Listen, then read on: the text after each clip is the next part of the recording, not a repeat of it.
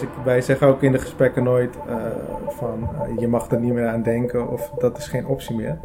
Um, ja, het is een optie, maar het is wel een heel definitieve optie waar je niet van terugkomt. Uh, maar er zijn ook andere opties en daar wil ik het graag met je over hebben.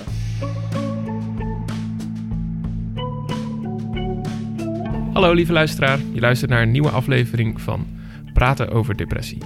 In deze aflevering gaan we in gesprek met twee medewerkers van Stichting 113 Zelfmoordpreventie. Anneleen, wie hebben wij daar gesproken? Wij hebben daar Navine en Evita gesproken. Uh, Navine is psycholoog bij 113 en dat is dus een organisatie die je kunt contacten als je rondloopt met zelfmoordgedachten. En uh, we gingen ook in gesprek met Evita. En Evita is woordvoerder van 113. Ja, en 113 is de afgelopen tijd veel in het nieuws geweest. Kun je daar nog iets over zeggen? Ja, na ons gesprek uh, was het ook even uh, stil. Ik vroeg, ik wilde Evita nog wat dingen vragen. Maar toen duurde het lang voordat we weer antwoord kregen. En toen, een paar weken geleden, mailde ze van... joh, het was natuurlijk heel druk vanwege de commotie rondom het telefoonnummer van 113. Um, het is veel in het nieuws geweest, dus daar was zij veel mee bezig. En ze zei dat ze nu hard bezig zijn met het uh, beschikbaar maken van uh, 113 als telefoonnummer. Ja. Um, ik moet zeggen, ik vond dit denk ik het uh, een van, ja, misschien wel het mooiste interview dat we gehad hebben. Het meest indrukwekkende in ieder geval, om deze mensen te spreken. Um, ik wil dan toch een kleine excuus maken naar de luisteraar, omdat we hebben maar één, we hadden maar één opname Ding. Ding. Nee, de Zoom H6. en uh, we waren met z'n vieren, zaten we zo'n beetje half om die microfoon heen. Dus het geluid is niet overal heel goed in dit interview. Maar er worden echt hele mooie dingen gezegd, vind ik. Um, vind ik ook. Ja, dus ik hoop wel dat jullie er met heel veel plezier naar kunnen luisteren. En volgens mij hebben we paar interviews verder heb ik een microfoon bijgekocht. Dus dan wordt het, het wordt beter. Ik beloof beterschap. maar voor nu heel veel luisterplezier naar dit hele bijzondere gesprek. kunnen jullie iets vertellen over de mensen die jullie uh, bellen en hoe zo'n gesprek dan verloopt? Ja, nou, het zijn uh, diverse mensen die ons bellen. En het kunnen dus mensen zijn die, uh, die net beginnende zelfmoordgedachten hebben en daarover willen praten. Daarvan geschrokken zijn en even met iemand daarover willen, ja, hun gedachten willen delen. Maar het zijn ook vaak mensen die in crisis zijn en die op dat moment niet weten wat ze moeten doen. En met ons willen overleggen wat, wat het beste is om te doen in zo'n situatie. Uh, ja, en dan, en dan kijken we altijd eerst naar hoe we iemand veilig kunnen krijgen. Wat er nodig is. En dan, en dan dat bedenk je altijd samen met, met diegene. De, bijvoorbeeld iemand op een veilige plek krijgen. Ehm, ja, dat soort dingen. Mensen in de, in de buurt inschakelen. Mm. En daarna kijken we uh, hoe, je, hoe je iemand rustig kan krijgen en uh, wat er nu nodig is om of de avond door te komen of hulp te zoeken. Uh, ja, ja, dat verschilt een beetje per, per geval, zeg maar. Is het van alle leeftijden, alle oud, jong, ja. man, vrouw, hoogopgeleid, laagopgeleid? Nou ja, de, de mensen die contact opnemen, ja, dat zijn mensen van alle leeftijden. Een man, vrouw, ja. uh, maakt ja. niet uit. Nee, ja, we zien ze eigenlijk al vanaf 10, 11 jaar. Um, oh, dat ze contact met ons nemen. Um, we hebben ze echt van heel jong tot heel oud. Ja, ja. Ja, en het is wel goed om erbij te zeggen dat wel zeker de helft van de gesprekken is met mensen onder de... 130. Ja, ja, precies. Dus wel veel jonge mensen die contact met ons opnemen. Um, is dat en, dan uh, omdat die jullie beter weten te vinden? Of is dat omdat zij weer leeft? Um, nou ja. ja, ja, hoe nee, kijk jij daarnaar? Ik ja. denk deels wel beter te vinden. Um, ik, ik, ehm, denk het ook. Die zijn natuurlijk ook wat meer um, uh, mediagericht. Ja. Kunnen, kunnen makkelijker bij uh, ons terecht, zeg maar, via social media of wat dan ook. Ja, en soms heb ik ook het idee wel dat, als ik kijk naar leeftijdsgenoten, dat het nu ook wel meer gestimuleerd wordt om over problemen te praten. En als ik bijvoorbeeld kijk naar mijn vader, die in een leeftijdscategorie zit van uh, nou ja, mannen tussen de 40 en de 70, daar liggen de zelfmoordcijfers het hoogst, maar die nemen ook het minst contact met ons op. Oh, ja. Dat daar uh, toch nog een bepaalde drempel ligt om contact op te nemen. Dus het zal deels zijn dat mensen niet weten dat dit bestaat. Maar ik denk ook wel dat het een generatieverschil ja. is. Dat is mijn persoonlijke gevoel er in ieder geval bij. Ik denk daar ook zo over. Ja, ja. Ja, en ik, dat vond ik heel tof toen ik erachter kwam dat je dus inderdaad via Instagram en via Facebook, als je gaat zoeken naar zelfmoord, dat je eerst bij jullie ja. Ja. Dat vind ik echt zo briljant. Ja.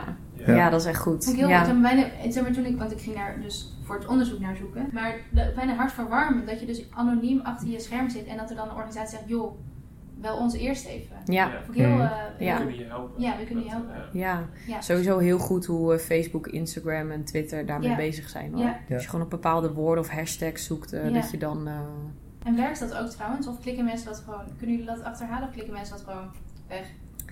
Nee, um, sommige mensen komen binnen en zeggen dat ze eigenlijk uh, op iets anders aan het zoeken oh, waren en ja. zo ons gevonden hebben. Dus ja. we weten wel dat het werkt. Ja, ja. ja. en ook als je wel naar de Google Analytics kijkt, dan um, de meeste mensen die op onze site binnenkomen, komen binnen via zoektermen over methodes bijvoorbeeld. Oh, ja.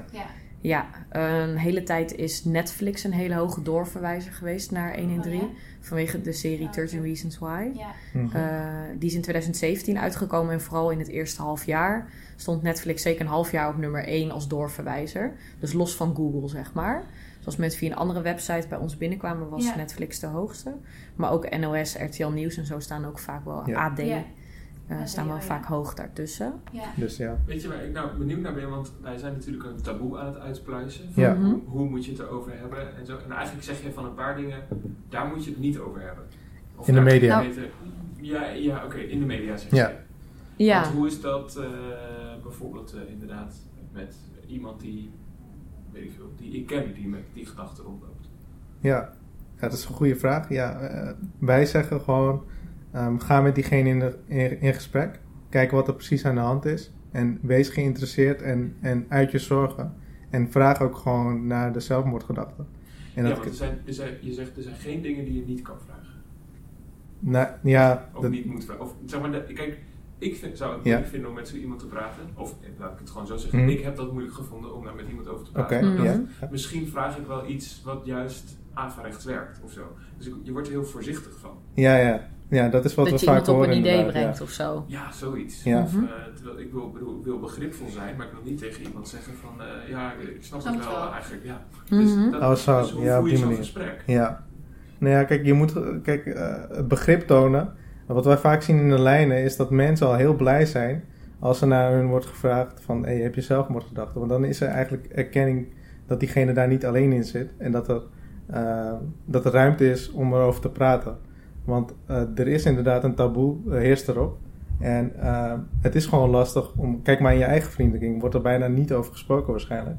Het is gewoon lastig om daarover te beginnen. Ja. Daarom zeggen wij ook gewoon: begin er gewoon over. Als je vermoedens hebt. Als het niet zo is, dan zegt diegene dat gewoon. En um, kan je het laten voor wat het is. Maar als het wel zo is, dan is er een opening voor gesprek. En dan kun je altijd samen kijken naar wat, wat heb je nodig. En hoe ver zit je in die gedachten. Uit onderzoek blijkt ook dat 1 op 10 mensen last heeft van zelfmoordgedachten. Dus zo ongewoon is het niet, zeg maar. Zijn er wel eens momenten geweest dat je niet wist wat je moest zeggen? Uh, je bedoelt aan de lijn zelf? Ja, of, ja, uh, cool, ja. Nee, nee. Uh, kijk, er komen best wel moeilijke verhalen op je af. Maar soms is het niet zeggen en dan voor iemand zijn is ook al genoeg. Dus ja, als je gewoon aan de lijn bent en met iemand eh, praat en zijn verhaal laat doen... en daar begrip voor toont dan is dat soms ook al wat. Dan geef je in ieder geval ruimte voor iemand om, om het te zeggen, om, om, het, om het te laten zijn, zeg maar. Uh, je krijgt natuurlijk uh, ja, soms hele uh, ja, nare verhalen te horen. Maar goed, wij, weten, wij zijn daarin getraind om daar in ieder geval op te kunnen reageren. En samen met die hulpvraag te kijken naar wat nodig is. Dus ja. ja. En denk, zijn er volgens jou of volgens jullie ook dingen die wij als maatschappij of als vriendenkring of als familie uh, anders zouden moeten gaan doen om te voorkomen dat iedereen als eerst bij jullie komt, maar dat we meer gaan leren dat ik ook naar vrienden, familie, school. Maar blijkbaar is die drempel heel hoog, ja. maar durven wel anoniem te bellen. Hoe zouden we daar met elkaar verandering in kunnen brengen? Of denk je dat hoeft eigenlijk helemaal niet? Kom eerst maar bij ons. Ja, nee, eigenlijk uh, is, de, is de boodschap: uh, maak, het, maak het zelf bespreekbaar. Ja. En, en, wij zijn ter ondersteuning dat als, als het niet lukt en wij, uh, uh, wij, wij kunnen daar een rol in spelen. Hè. Wij kunnen mensen, het eerste gesprek met mensen voeren. Um, dat ze een beetje een idee hebben hoe het is om daarover te praten. Ja. Ja. met ze bespreken hoe ze dat in hun eigen vriendenkring kunnen bespreken. maar als je denkt, ik wil dit met een familielid bespreken of met een vriend of vriendin of wie dan ook en het gaat me lukken, zou ik zeggen, doe het gewoon. Ja. Ervaar hoe dat is. Ehm, en ehm, ja, wat je vaak toch ziet is dat, uh, dat er daar een begrip voor is. En dat mensen je willen helpen of, of erkenning hebben of, of wat dan ook. Ja, we hebben een Vraag maar app. Dat is meteen nog wel een mooie aanvulling op jouw antwoord net. Want ik denk ook dat we als omgeving heel veel kunnen betekenen daarin. Dus ook op het moment dat je iemand anders ziet waarvan je denkt, volgens mij gaat het niet goed met jou, dat je er ook naar durft te vragen. Mhm. En ik denk dat veel mensen wel de neiging hebben om er ook wat voor weg te lopen. Of te denken van, ah, hier heb ik even geen zin in. Of oh, misschien uh, dat ik dan wel uh, van alles uh, losmaak. Ik zeg maar niks of ja. zo. Um, en uh, ik denk zegt, ja, ja, dat je dus juist door dat de omgeving ook gaat, in, gaat reageren, dat je je openstelt, dat je een vraag aan iemand durft te stellen, dat je ook het gesprek kan opengooien en het voor de ander makkelijker maakt om erover te praten. Nou, en daar hebben we dus een app voor. en de, die app heet de Vraag maar app. En dat is een app die is uh, helemaal op naasten gericht eigenlijk. Uh, hoe je zo'n gesprek aangaat. Dus allereerst wat achtergrondinformatie, hoe je uh, zelfmoordgedachten kunt signaleren. Mm. Maar ook hoe je dan ernaar vraagt en een gesprek met iemand aangaat. Zonder dat je direct zelf in de hulpverlenersrol stapt, maar vooral um, een eerste opening kan zijn voor zo'n gesprek. En daarna kan kijken van, hé, hey, wat voor hulp heb jij nu nodig? En dat je diegene ja, een stapje verder helpt eigenlijk. En in die app staan dus ook wat um, do's en don'ts. Ja, praat me er even doorheen. ja, nou ja, het belangrijkste is volgens mij dat je altijd ruimte geeft voor iemands gevoel. Precies. En uh, niet te snel zelf een invulling eraan gaat geven of nee. erover gaat oordelen. Maar juist... En gelijk in de oplossingsstand gaat. Ja. Uh, want daar zitten mensen niet op te wachten. Ze zien uh, zelfmoord nu als enige oplossing, hè, omdat ze zo diep in die zelfmoordgedachten zitten. En uh, je, moet mensen laten weten dat er ook andere oplossingen zijn en dat er hulp voor mogelijk is. En je moet uh, voorkomen dat je daarin meegaat van, oh ja, ik snap dat je het zo zwaar hebt. Ja, dat, uh, dat is inderdaad zo. Zelfmoord is de enige optie. Daar moet je vooral uitblijven.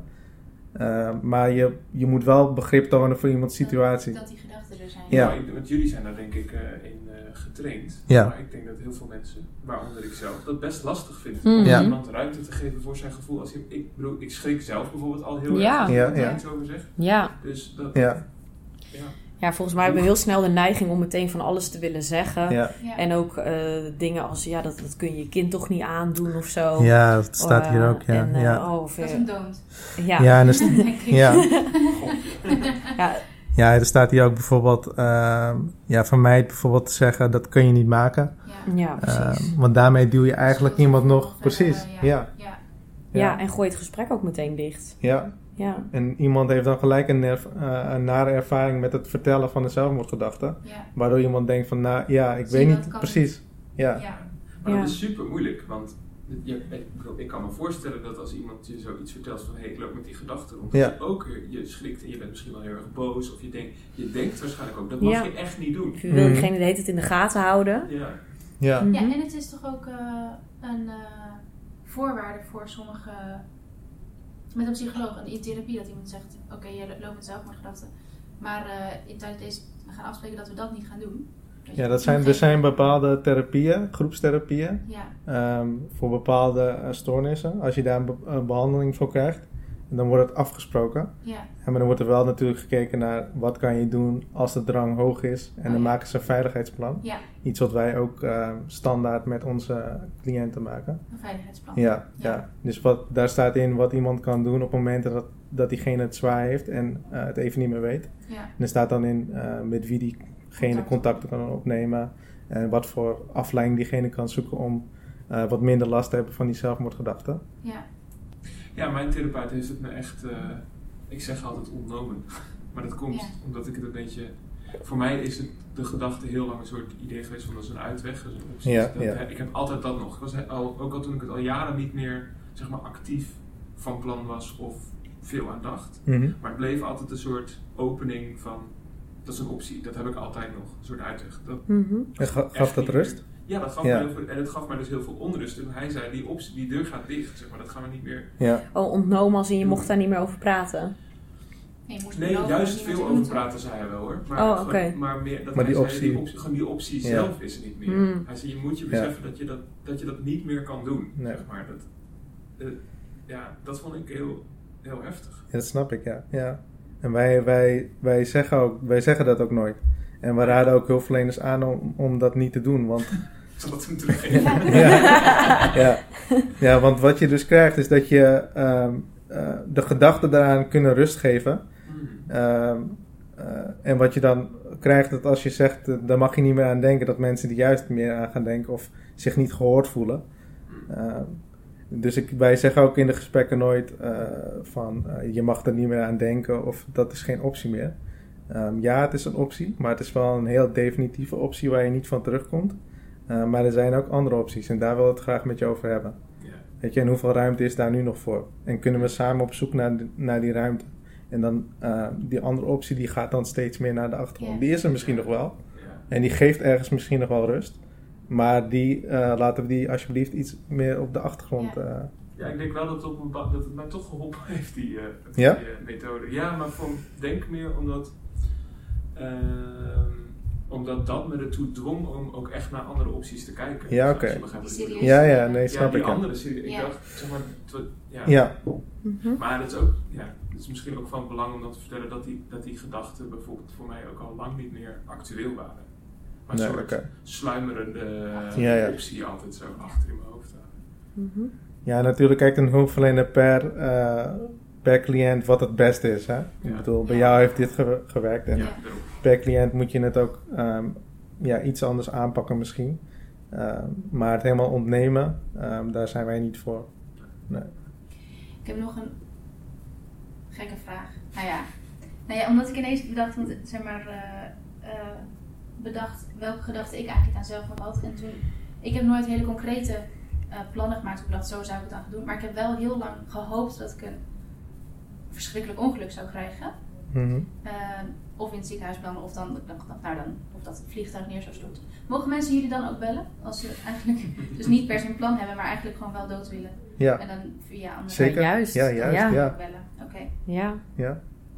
goed. want dan maak je het ook alleen maar vroeg bespreekbaar Ja. als er nog geen plan is. Ja, Precies. Dat is alleen ik maar goed. namelijk- ik nam namelijk mezelf dan hoorde, want dan had ik wel een depressie, maar dan had ik niet per se suïcidale gedachten, waardoor ik dacht, nou dan heb- ben ik misschien eigenlijk ook niet echt depressief. Totdat ik een ander meisje ergens een keer hoorde zeggen, nee, maar ik hoopte gewoon elk, elk kruispunt dat ik eh onverantwoord Mhm. zou worden. Toen dacht ik, oh, dat had ik ook. Waardoor, waardoor ik mijn eigen somberheid weer wat serieuzer kon nemen, of het als een probleem weer kon zien in plaats van, oh, mijn suïcidale gedachten slaan eigenlijk nergens op. Nee, Ze precies. zijn te Ja. klein om te Zijn, bellen. ja, zijn, het zijn te klein om te bellen, of zijn te klein om echt een probleem te noemen. Ja. Ja. Ik hoorde het laatst ook een keer iemand zeggen, die, wij hebben dan op onze site, als je een chat wil starten, dat je altijd een aantal vragen moet invullen. Dat is meer om een inschatting te maken hoe acuut de situatie is, maar ook wie er ongeveer in de chat zit. Hoef je helemaal geen naam of iets in te vullen, maar wel dat we een idee, een idee hebben bij Ja. het gesprek. Mhm. Maar dat iemand dan ook dacht, oh, misschien ben ik niet uh, suicidaal genoeg om een gesprek te Ja. mogen voeren. Dus dat het een soort Ja. checklistje was of Ja. zo. Ja. Ja, Dan ga ik daarna invullen. ja. nou ja, Ja. of, maar ook dat, dat zij het dus een paar keer gewoon had afgesloten, dat scherm. weer Van ja, want Oh, ik voldoe vast niet aan de eisen. Dus ik, dan, ik kom niet door van- de chat Oh, ja. eh, ja. Eh, deur of Ja. zo, of hoe je het wil noemen. Ja. Ja, Ja. vond ik ook Ja. heel interessant. Ik Ja. dacht, oh ja, wow. Nou ja, iedereen mag een gesprek voeren. Ja, Ja, Ja. Ja. dat is wel Zeker. ja. Stel dat wij een keer heel uitgebreid willen praten over zelfmoord in de aflevering. Jullie, nee. Hoe zit dat met het bespreken of concretiseren daarvan? Van methodes? Ehm, ja, het advies is eigenlijk altijd om daarin terughoudend te zijn. Ja. Dus geen Ja. informatie over methodes, locaties, eh, maar vooral meer op het gevoel gaan zitten. Dus wat speelt er in iemands hoofd? Hoe voel je daarbij en hoe ga je daarmee om? Maar niet zozeer eh, wat voor draai je eraan geeft qua methode. Nee. Ja, Nee, en dat dat is dus een verschil van het bespreken in de media Ja. en het bespreken één op één. Ja, Ja. want we zijn heel erg voorstander van het thema bespreekbaar maken in de media, maar het ligt wel heel erg aan hoe je dat doet. Ja. Eh, en met wat voor insteek. Dus eh, verhalen die bijvoorbeeld een heel positief effect hebben, zijn verhalen van mensen die heel lang ehm, in de put hebben gezeten, maar daar weer uit zijn gekomen en daar iets over kunnen delen van Ja. hoe ze zich op dat moment voelden, maar ook wat ze hebben gedaan om eruit te komen. Ja. En daar kunnen mensen weer een hele hoopvolle boodschap uithalen. Dat je weet, kan ik goed komen met me, met je. En Ja. daar, ehm, dat kan je er ook weer van weerhouden, zeg Ja. maar. Ja. Ja. Ja. Ja. maar op het moment dat je heel erg op methodes gaat zitten, het kan net zijn dat iemand daarnaar luistert die gewoon op dat moment eh, even heel slecht gaat en waar het net iets getriggerd kan worden en dat het een zetje kan zijn. Ja. En dat weet je nooit. Nee. Waar ik nog wel nieuwsgierig ben om eh, jullie even Mhm. over te horen. Ik ben benieuwd naar dat interne systeem. Dus jullie helpen elkaar daarin ook weer. Hoe ziet dat eruit? Hoe, waar, welke dingen lopen telefonisten bijvoorbeeld tegenaan? Uh, nou ja, we beginnen altijd een dag met een dagopening. En dan komen de mensen bij elkaar die, die een dagdienst of een avonddienst hebben. En dan bespreken we met elkaar, hey, dit, dit, wij gaan het vandaag als team doen.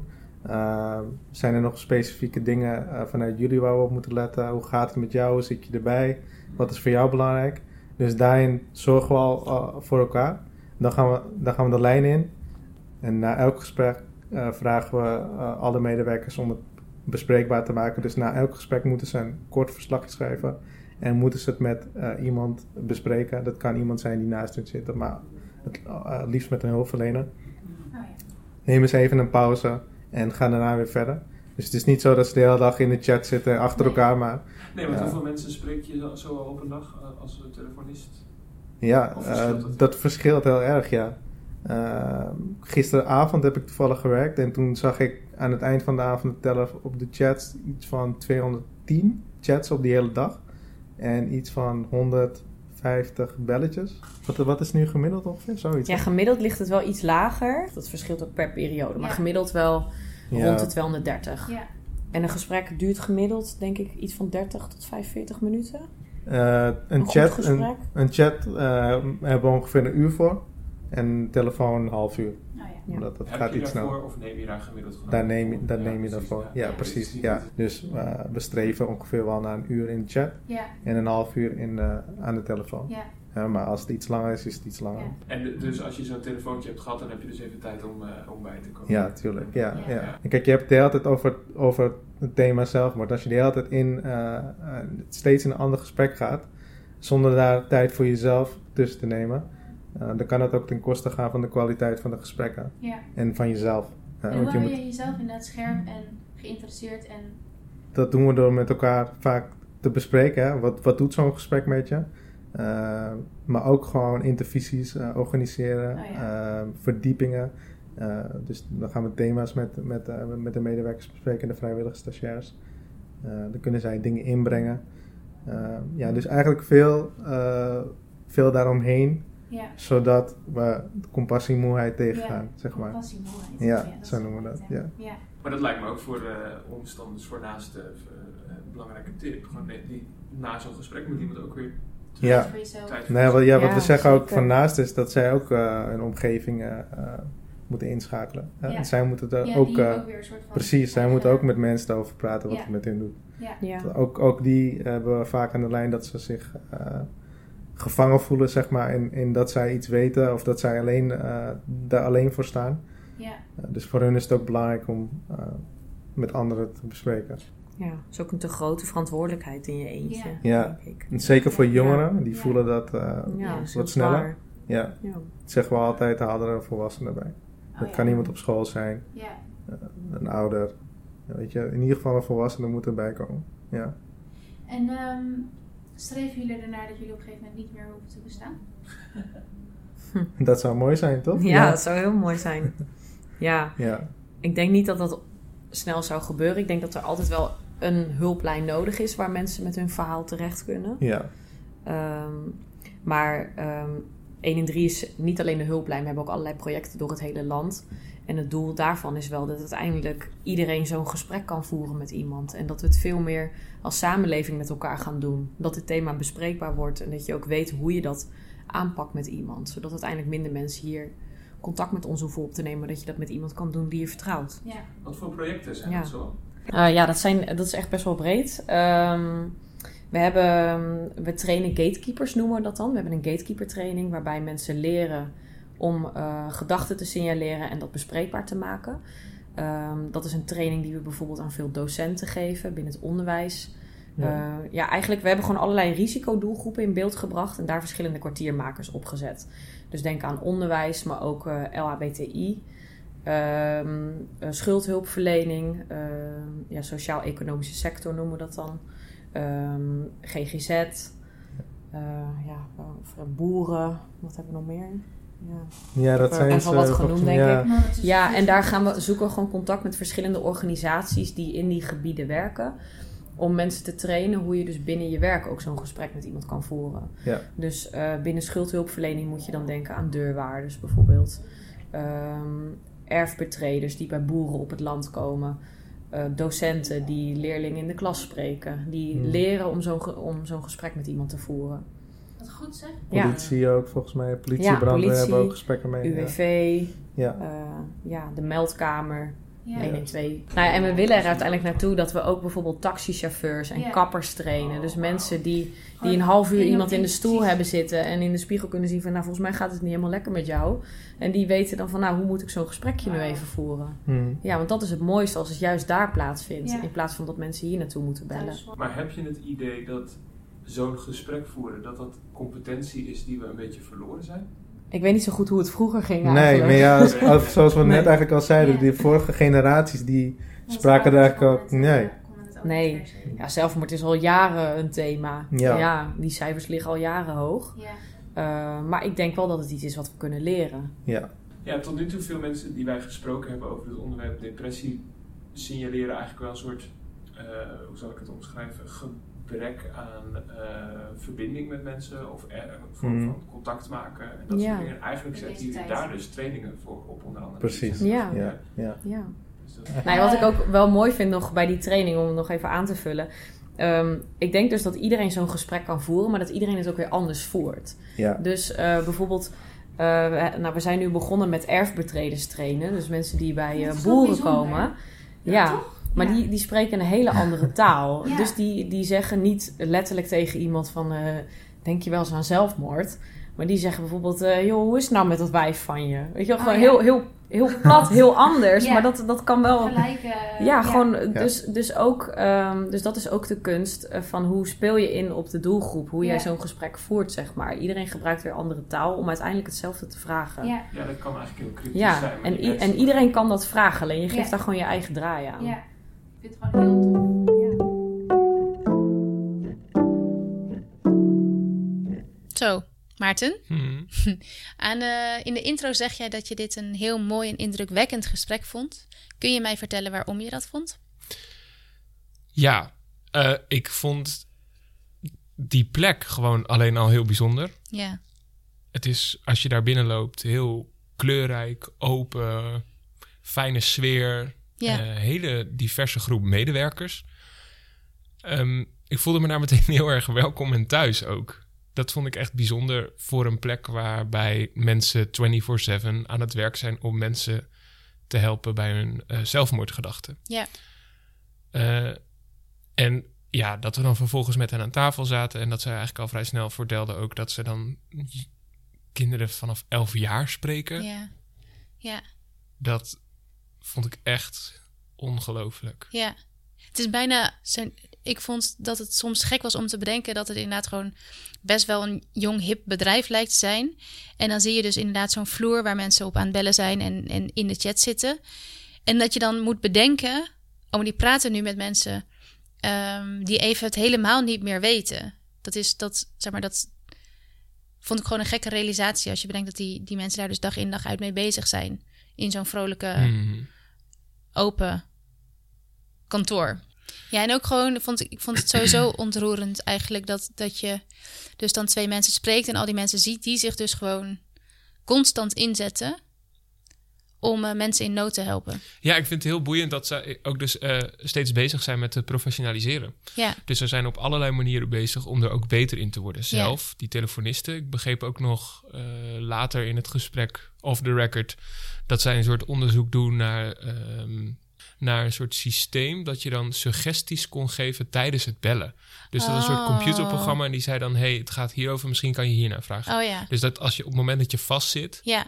Dat, dat, het nog. dan, eh, dat zo'n systeem je dan weer verder ja. helpt. Ja, en en dat soort dingen vind ik echt eh, heel tof. En ik herinner me nu ook dat het tijdens die rondleiding, dat ze ook verteld dat ze inderdaad onderzoek doen.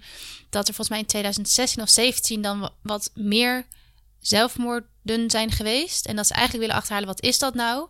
En dat ze dus alle nabestaanden, dat ze die allemaal contacten, dat ze dat allemaal gaan onderzoeken van wat, zit, wat Ja. is het nou? Ehm, dat dat toen ineens is gegroeid. Om Ja. gewoon maar de grip op te krijgen en te zorgen dat het minder wordt. Ja. En dat vond ik de hele tijd heel eh, hartverwarmend om te bedenken dat er dus ergens in een kantoor hier in Amsterdam Mhm. mensen daar, zich daar gewoon dag en nacht voor inzetten. Dat vond ik heel bijzonder om daar eh, te mogen rondlopen en daar mee, in- mee in gesprek te mogen. Ja, Ja, en ik merkte ook wel aan ze dat ze... Ik vond ze er zo rustig onder, Ja. onder het gesprek. ja, En dat moet denk ik ook wel. ja, Eh, en volgens mij komt dat dus ook doordat ze eh, zich geprofessionaliseerd hebben. Doordat Ja. ze zo- gewoon zo goed weten of zichzelf aangeleerd hebben wat je kan zeggen of moet zeggen. Ja. En ehm, dat op het moment dat je dat weet voor jezelf, dat je dan misschien ook rustiger zo'n gesprek Ja. kan voeren. ja, maar ik vond tegelijkertijd wat ik heel tof vond aan die Naveen is dat hij constant zei: ja, maar we gaan dan. ehm, zodra iemand dan met hem in gesprek was, voor mijn gevoel aan de telefoon, dan maakte hij het een probleem van hen samen. Dus van de beller en van hem. Van Mhm. we gaan je nu in een, op een veilige plek brengen. En wat kunnen we, dus die beller en hij, nu samen doen om te zorgen dat ze uit die situatie kwamen of dat er even een klein stapje gemaakt kon worden. Dus hij maakt het wel ook heel erg zijn ding of zo. Ja, Dus hij, Ja. hij was niet tijd, ja, maar dan de beller moet dan dit en dit en dit. Maar we gaan, we gaan dit, we gaan. Ja. Dat vond ik heel tof. ja, ze gaan echt naast je staan Ja, eigenlijk. Ja, Dat is wel heel eh Ja. hey, er werd nog even gepraat over de, de, de Vraag Maar-app. ja. Ehm, ik Jij, heb hem gedownload. ja, dat zei je, ja. Ik tip hem ook dus aan mensen zelfs. Want ik had echt, stond toevallig laatst een gesprek met iemand. Die eh, mij vertelde dat hij weer iemand kende eh, die met zelfmoordgedachten rondliep. En die zei, ja, ik moet eigenlijk even met deze persoon praten, maar ik Mm. weet niet goed hoe ik dat aan moest pakken. En daar is dus een app voor. Ja, en toen dacht ik, hey, dat, wat komt dit goed uit dat je me dit vraagt? Want ik eh, weet dus nu van deze app. Ehm, ik pak hem er even bij. Ja, Ehm, je komt in een minuutje terecht. Heel leuk vormgegeven minuutje, moet ik zeggen. Eh, waar je bijvoorbeeld op zoek kan naar feiten en fabels, signalen herkennen, ehm, de vragen stellen, de do's en don'ts, eh, hoe Wat je zijn de- luistert ja, en want we hebben daar-. Ja. een beetje over gehad in, de, in het gesprek. Maar wat zijn de do's en don'ts? Eh, de do's zijn eh, het benoemen. Dus ehm, Ja, je mag het woord zelfmoord gebruiken in zo'n gesprek. Ehm, en daarop Ja. doorvragen. Dus Ja. bijvoorbeeld, eh, je, eh, hey, eh, je vertelt me dat je het niet meer zit, ziet, ziet zitten. Bedoel je daarmee dat je denkt aan zelfmoord bijvoorbeeld? ja, dat vond ik nog grappig in. Want ik heb hiervoor een, een voorgesprek gehad met een andere medewerker.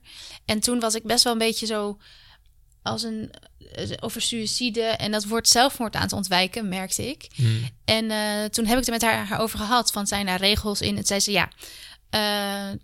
Eh, het is gewoon zo dat als je zelf ermee zit, dan noem je het zo. De, het Ja, gros van de mensen ja. noemt het gewoon zo. Dus waarom zouden wij het anders gaan noemen? Ja. Eh, dan ga je direct weer een afstand creëren. En eh, dus wij noemen Ja. het gewoon zelfmoord. Ja. ja, ik geloof wel. Ik heb wel gehoord van nabestaanden bijvoorbeeld die dat woord Ja, zelfmoord heel naar vinden. Ja, omdat het- dat Ja. ja, connotatie ook met, met een vorm van Ja, criminaliteit. of ja, en dat zeggen mensen ook wel zelfdoding en zo zeggen. Maar Ja. dat, ik vond het in ieder geval interessant dat, nou ja, je je niet hoeft te schamen of niet, zeg maar, dat woord per se hoeft te vermijden als je met mensen met zelfmoordgedachten praat. Ja.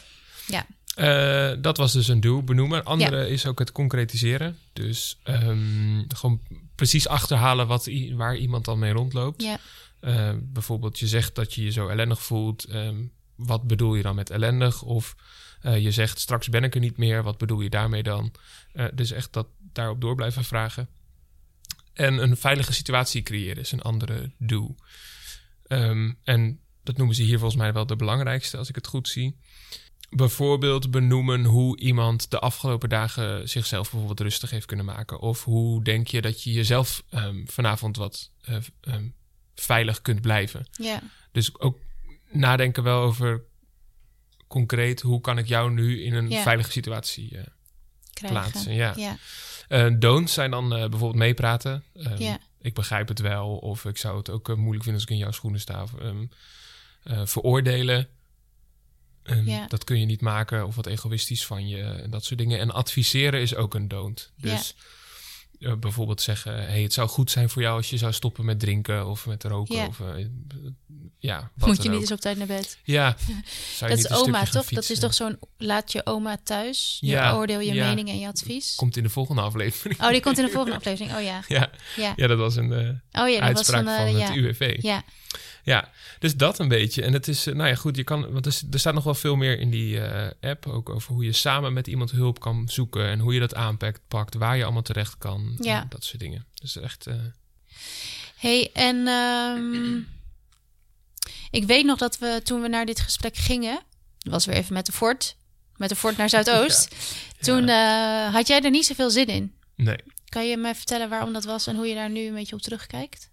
Um, het, was, het was eigenlijk een beetje een, nou, ik zal niet zeggen ongelukkige periode, dit interview. Maar wij hadden dit interview in een periode dat de, dat de vraag rondom zelfmoord bij mij ook nog best, wat zal ik zeggen, actueel was. Als in, ik was er niet op dat moment concreet zelf mee bezig, totaal niet. Maar ik had er gesprekken over met mijn psycholoog omdat ik in mijn leven wel heel veel uh, te maken heb gehad met die gedachte aan zelfmoord. En uh, um, daar op den duur ook zelfs best wel concreet in was geworden. En hoewel ik, ik denk dat ik kan zeggen dat ik dat al langer, dat dat al bijna tien jaar geleden is, zeg maar. Dat de gedachte aan de dood nog steeds dus een gedachte is die me rustig kan maken. Eigenlijk wat ze in het interview ook uh, zeiden. Yeah. En op een moment dat we bij 1 en 3 langs uh, waren gegaan, in die periode had ik ook gesprekken met mijn therapeut over dat hij zei: Je moet die deur dicht gaan gooien, want de gedachte aan de dood kan ook een soort um, vluchtweg worden. Ook al is het alleen maar een gedachte, maar die ge gedachten aan de dood vertellen jou dat je ergens anders dus blijkbaar weg wilt blijven. En we moeten dus samen gaan uitzoeken, zijn mijn therapeut, en leren wat, waar we dan in plaats van naar de dood, waar je dan, in, waar je dan naartoe moet en waar je dan bij weg wilt blijven. Ja.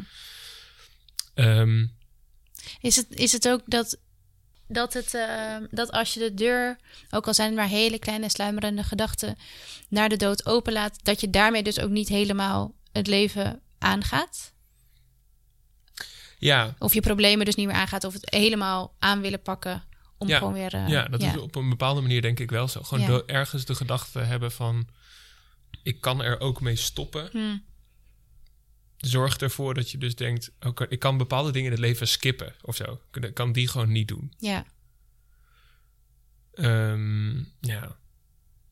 Dus op een of ik weet eigenlijk dus niet precies waar ik bang voor was als toen we naar dat interview gingen. Maar Nee. ik weet gewoon dat het voor mij op dat moment een heel precair onderwerp was. En ik moet ook wel zeggen dat de uh, gesprekken die ik daar met mijn therapeut over gehad heb, wel ehm, goed zijn geweest voor me. In die zin dat ik, dat ik me daar dus nu bijvoorbeeld rustiger over voel.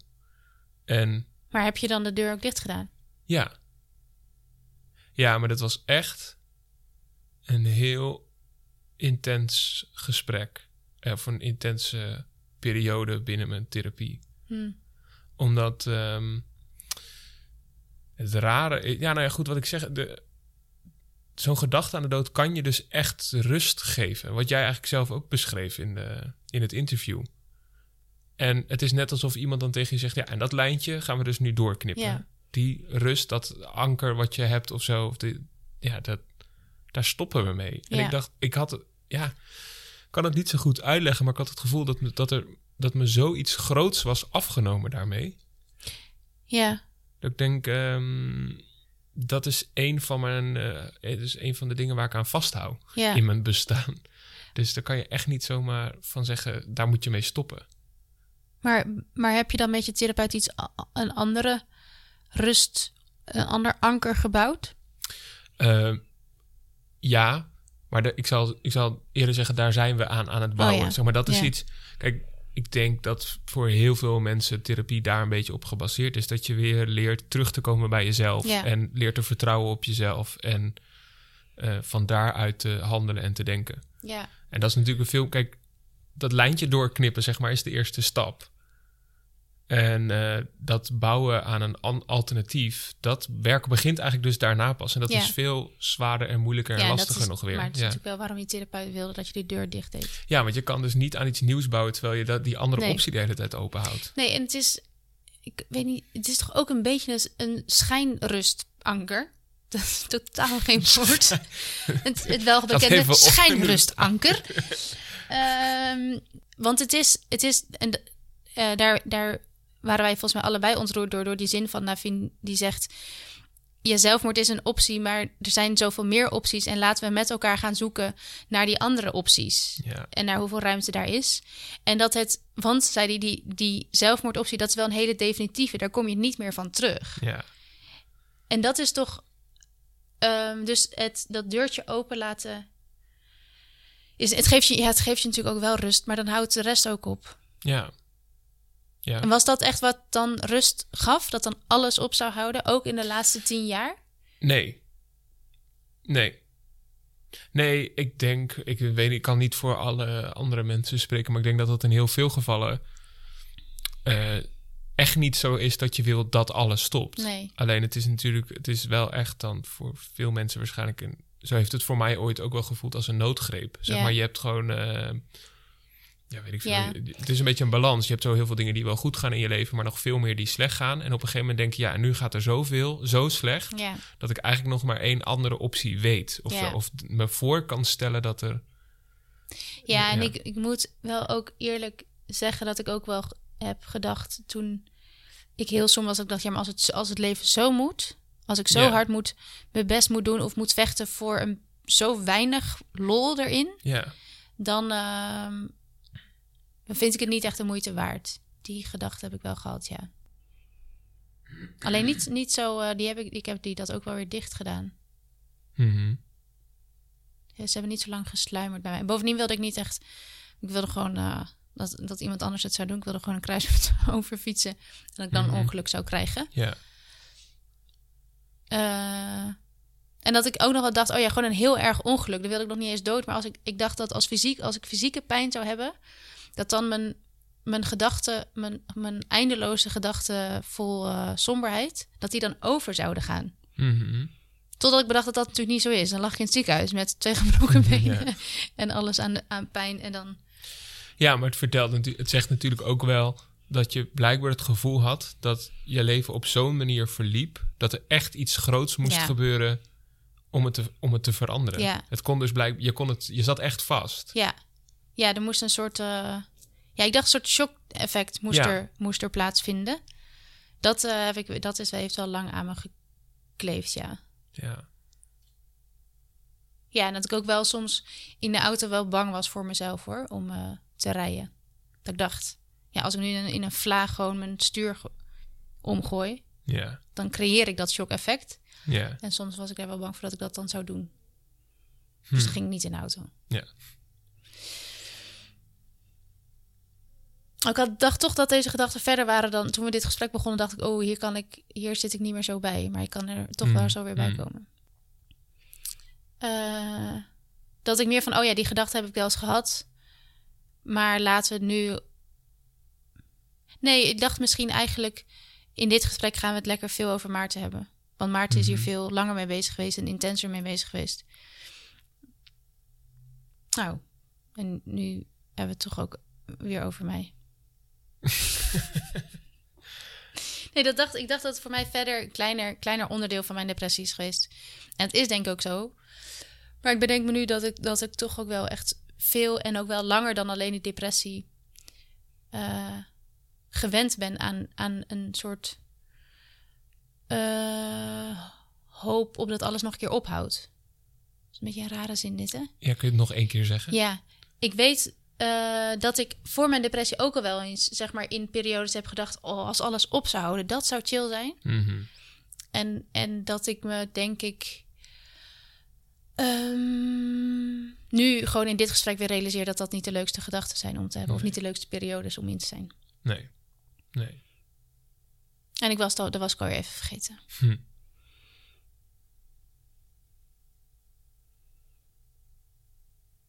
Als je denkt, eh, in dit gesprek gaan we het lekker over Maarten hebben, waar denk je dan aan? Wat had je dan eh, willen vragen of zeggen?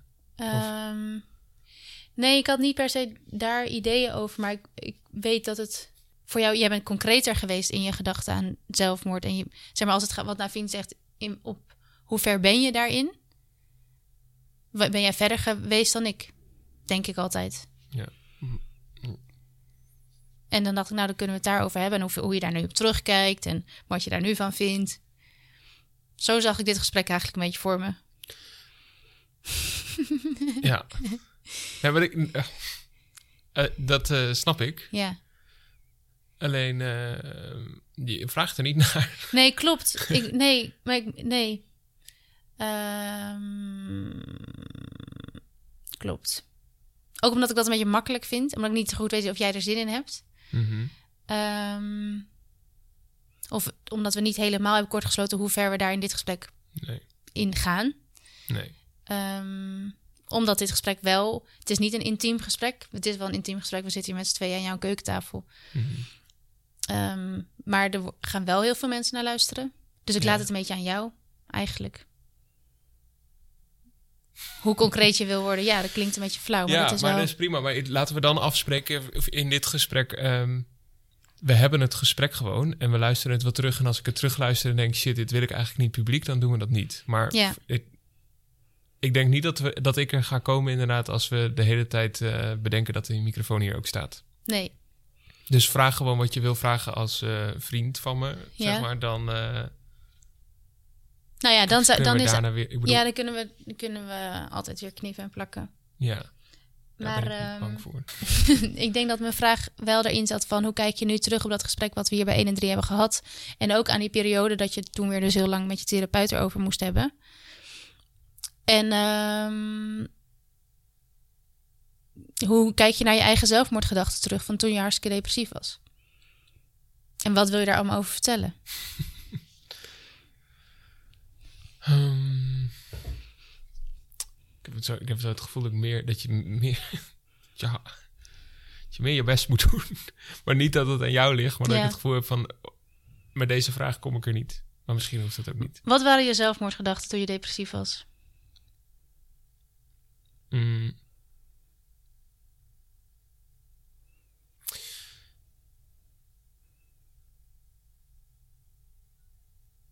Mm.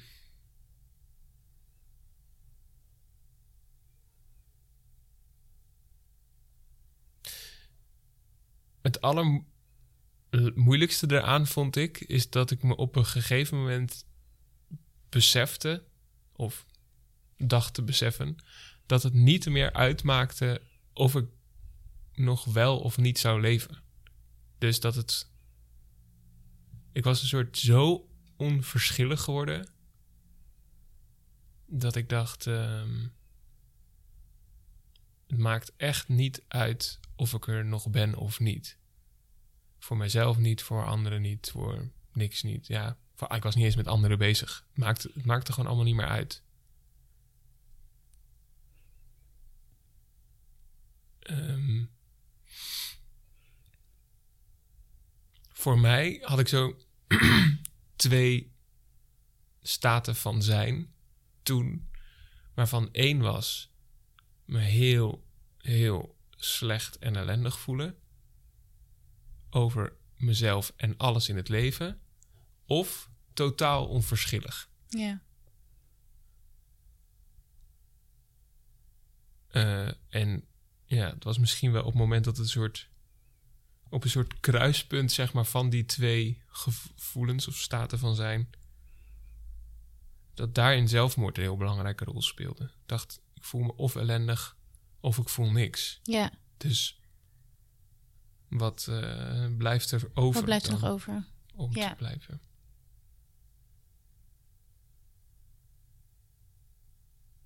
Maar wat, wat ik echt heel bijzonder vind, is dat mijn therapeut op een gegeven moment tegen mij zei: Maar eh, Maarten, je bent er nog wel. Ja. Dus eh, waarom heb je dat niet gedaan? Ja. En dat, vond ik wel, dat vond ik ook wel echt een mooie vraag. Omdat hij zei: Blijkbaar is er toch echt iets in jou dat is blijven geloven. En hij zei: Dat is dus ook blijkbaar een sterker anker geweest. dan dat anker van de gedachte aan de dood. En ik weet eigenlijk dus nog steeds niet precies waar dat eh, gevoel uit bestaat of zo. Maar Nee, is het. eh, ja, ik ook niet. Maar volgens mij is, eh, is het bijna natuurlijk dat je wilt overleven, toch? Een mens. ja. Dus dat is een, niet eens dat je daar niet altijd bewust van bent, maar dat het een, een, sterk, een sterke drang van binnen is. Die Ja. best, wel, best wel lang kan blijven bestaan. Ja. Zonder dat je hem erkent dat hij er is, of zonder dat je voelt dat hij er is.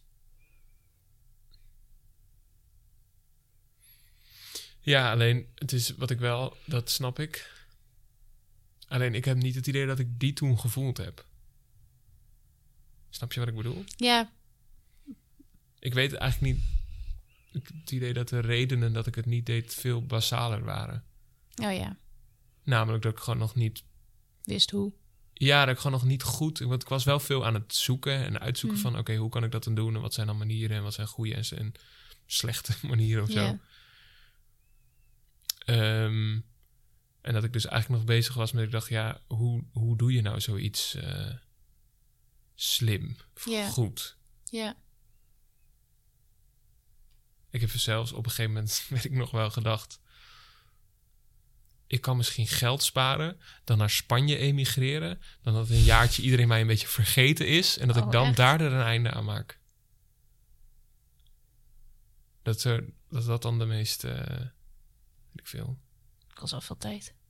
Ja. ja, kost wel veel tijd. Ja. Maar misschien. ehm,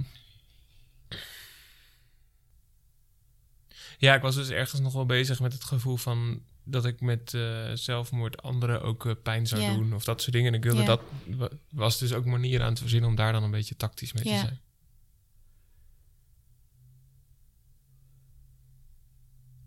Ja.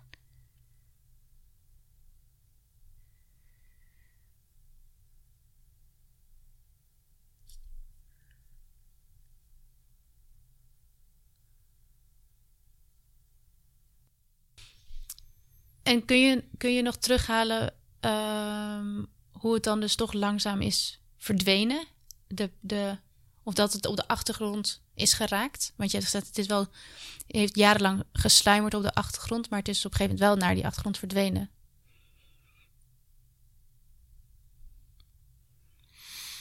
Mm. Ja, dat, dat zou ik niet weten eigenlijk. Dat zou ik heel lastig vinden om.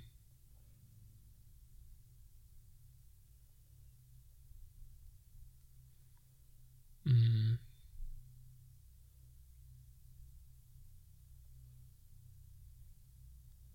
Is dat geweest door gewoon door te ploeteren? Ja, ik heb wel, dat heb ik volgens mij wel eens eerder gezegd. Ik heb wel het gevoel dat ik ooit ergens een knop om heb gezet. En een beetje heb gedacht: oké, dan ga ik het nog één keer proberen. Mm. Ik denk Ja. dat dat het een beetje was. Ja, En toen heb ik wel zo heel veel dingen in mijn leven radicaal omgegooid. Uit huis gegaan en gaan studeren en Ja. voor mezelf en dingen. En ja, eigenlijk voor mijn gevoel een beetje ben gaan sprinten.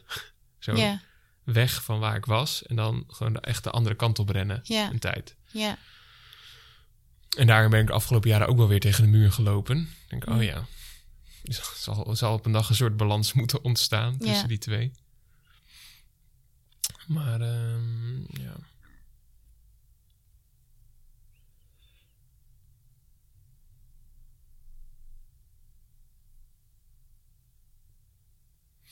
Weet je, Anneleen, Nou, ik heb het gevoel dat we er vandaag niet gaan komen in dit gesprek. En dat we het ook niet ho- hoeven forceren. Ik denk wel dat ik er behoefte aan heb om eh, misschien de volgende keer ehm, een aflevering te maken waarin we even met elkaar, met z'n tweeën, het hier nog eens rustig over hebben. Ja, En het interview dat we met eh, UWV op de plank hebben staan, ja. Dat ook echt een belofte is voor de luisteraar. Ja, dat was wel ook een mooi gesprek. Nee, ik merk ook, ik, zeg maar, ik vind het, ik zit terwijl ik naar je aan het luisteren en echt zoveel nog ondertussen te bedenken, eh, wat niet per se hiermee te maken heeft, maar, maar wel ook. Er zijn voor mij zoveel meta-dingen aan het gebeuren in mijn hoofd over wat ik vind van praten over depressie en Mhm, praten over mhm. zelfmoord. En dat ik helemaal niet goed meer naar je kunt, kan luisteren. Nee. Want ik zit de hele tijd alles te hangen aan. Oh, zou dit dan eigenlijk ook wat ik hier geconcludeerd heb? Huh?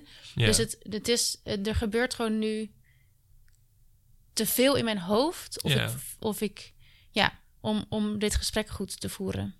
Ja, dat heb ik ook.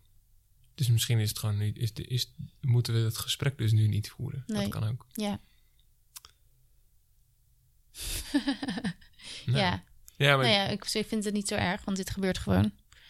Ja, dat denk ik ook. En ik wil het niet op deze manier bespreken. Nee. Nou, dan ehm, gaan we gewoon eh, binnenkort even weer met z'n tweeën aan deze keukentafel zitten. Ja, En even een soort de balans opmaken van waar we nou zitten. Mhm. Toch? Ja, dat denk ik wel. Dan is dat. eh, dan hou, hou, je- houden jullie het gesprek met twee psychiaters van het UWV nog te goed. En komt er eerst even een, eh, Intermezzo. een intermezzo. Een intermezzo aflevering. Goed idee van je, Maarten. Zomaar. Nou, het kwam eh, het uit, uit nood geboren. Ja, top. Het kwam gewoon. Oké, Tot eh, de volgende keer Tot bij het volgende keer. intermezzo. bedankt voor het luisteren.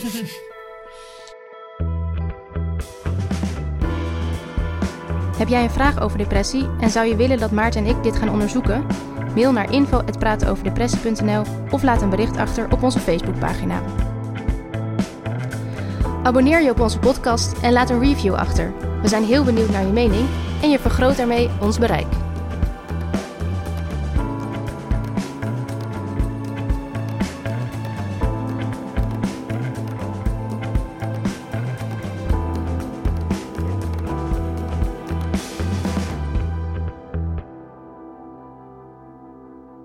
Denk jij aan zelfmoord of ben je bezorgd om iemand?